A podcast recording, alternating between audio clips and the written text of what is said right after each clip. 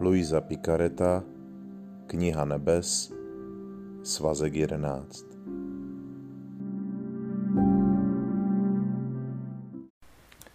Třetího dubna 1915 Tak jako je nebe nad zemí se svými světly, aby člověk ži- mohl žít, tak duše potřebuje nebe boží vůle. Můj obdivuhodný Ježíš stále čas od času přichází, ale nemění svůj pohled plný hrozeb a trestů. Pokud se někdy opozdí, přichází s takovým pohledem, který dojímá k lítosti. Unavený, vyčerpaný. Přitahuje mě k sobě a proměňuje mě v sebe. Pak do mě vstupuje a proměňuje se ve mně. Chce, abych líbala jeho rány jednu po druhé. Klaněla se mu a přinášela zadosti učinění.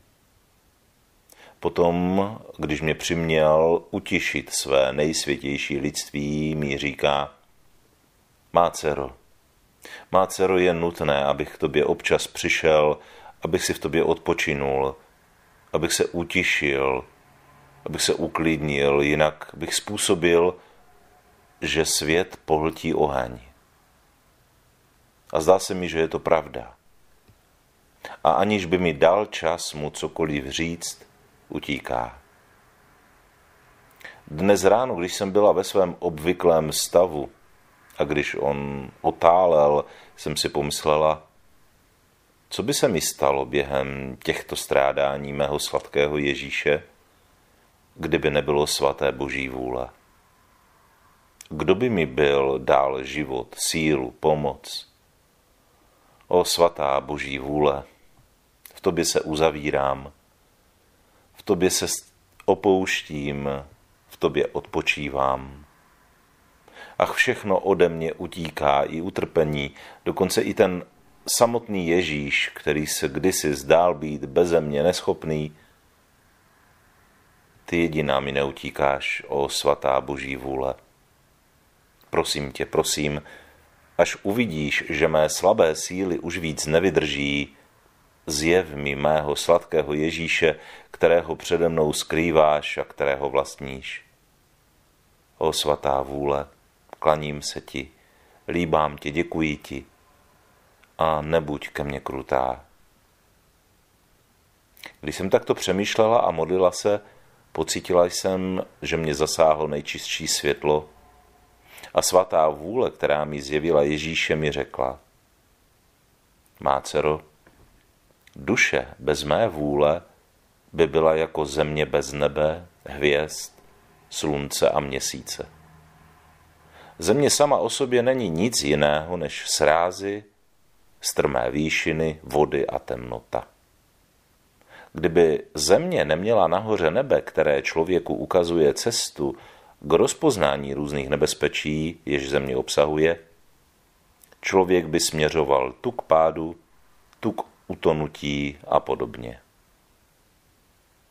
Ale nahoře je nebe, zvláště se sluncem, které člověku němou řečí říká, hle, nemám oči, nemám ruce ani nohy, ale jsem světlem tvých očí, působením tvé ruky a krokem tvé nohy.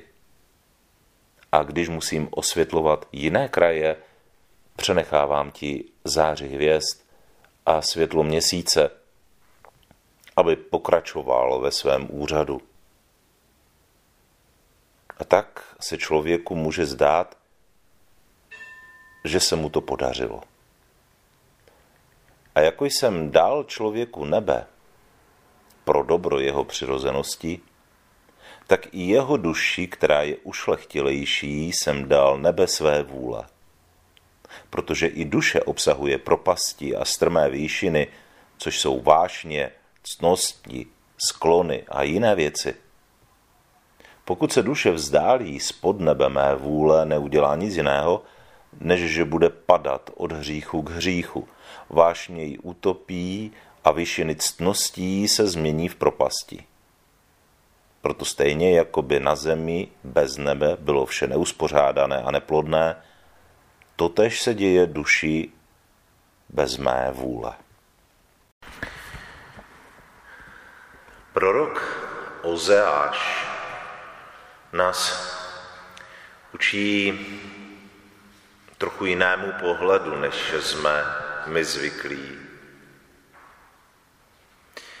My se těžko dokážeme dívat na svět, na okolnosti našeho života, na události v té boží perspektivě.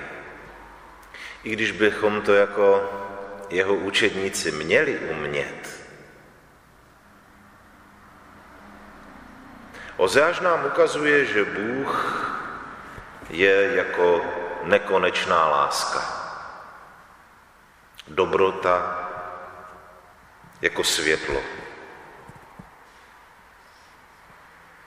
Duše bez boží přítomnosti, bez boží vůle by byla jako země bez nebe, bez hvězd, bez slunce a bez měsíce. Země, která je sama o sobě plná srázů, různých roklí, výšin, vod a temnot. Kdyby země neměla nebe, člověk by nedokázal rozeznat nebezpečí a směřoval by k pádu, k zániku.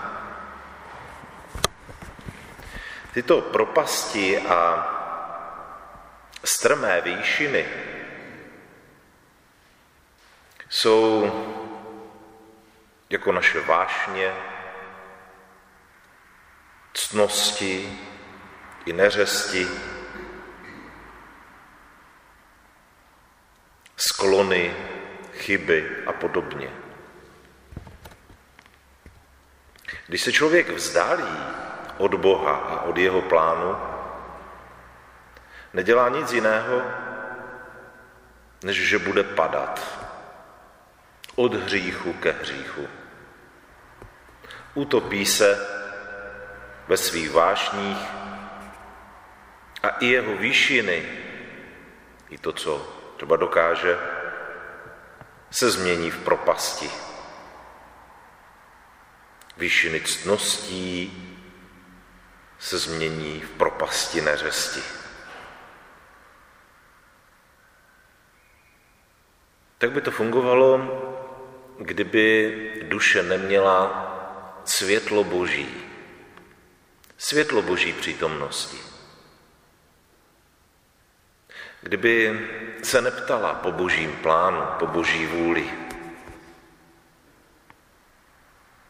tak jako na zemi by bylo všechno neuspořádané a neplodné, tak též by se to dělo v duši člověka, která žije bez boží vůle, bez boží blízkosti.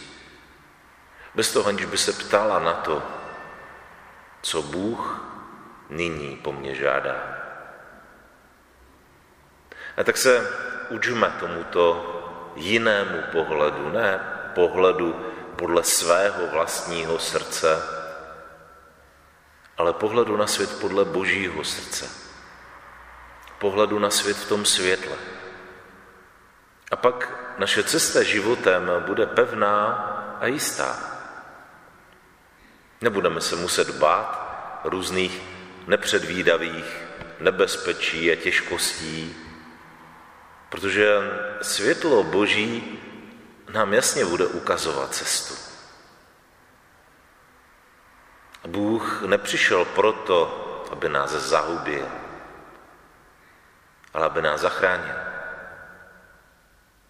Tak jako zkušený horský vůdce nás dokáže provést i těmi nejnebezpečnějšími místy, tak když se zcela nabídneme a odevzdáme do vůle Boží, tak Bůh nás provede všemi událostmi našeho života vítězně. Tak se odevzdejme Pánu, aby vedl každý náš krok, každý náš pohyb i každou naši myšlenku a každé naše slovo. Amen.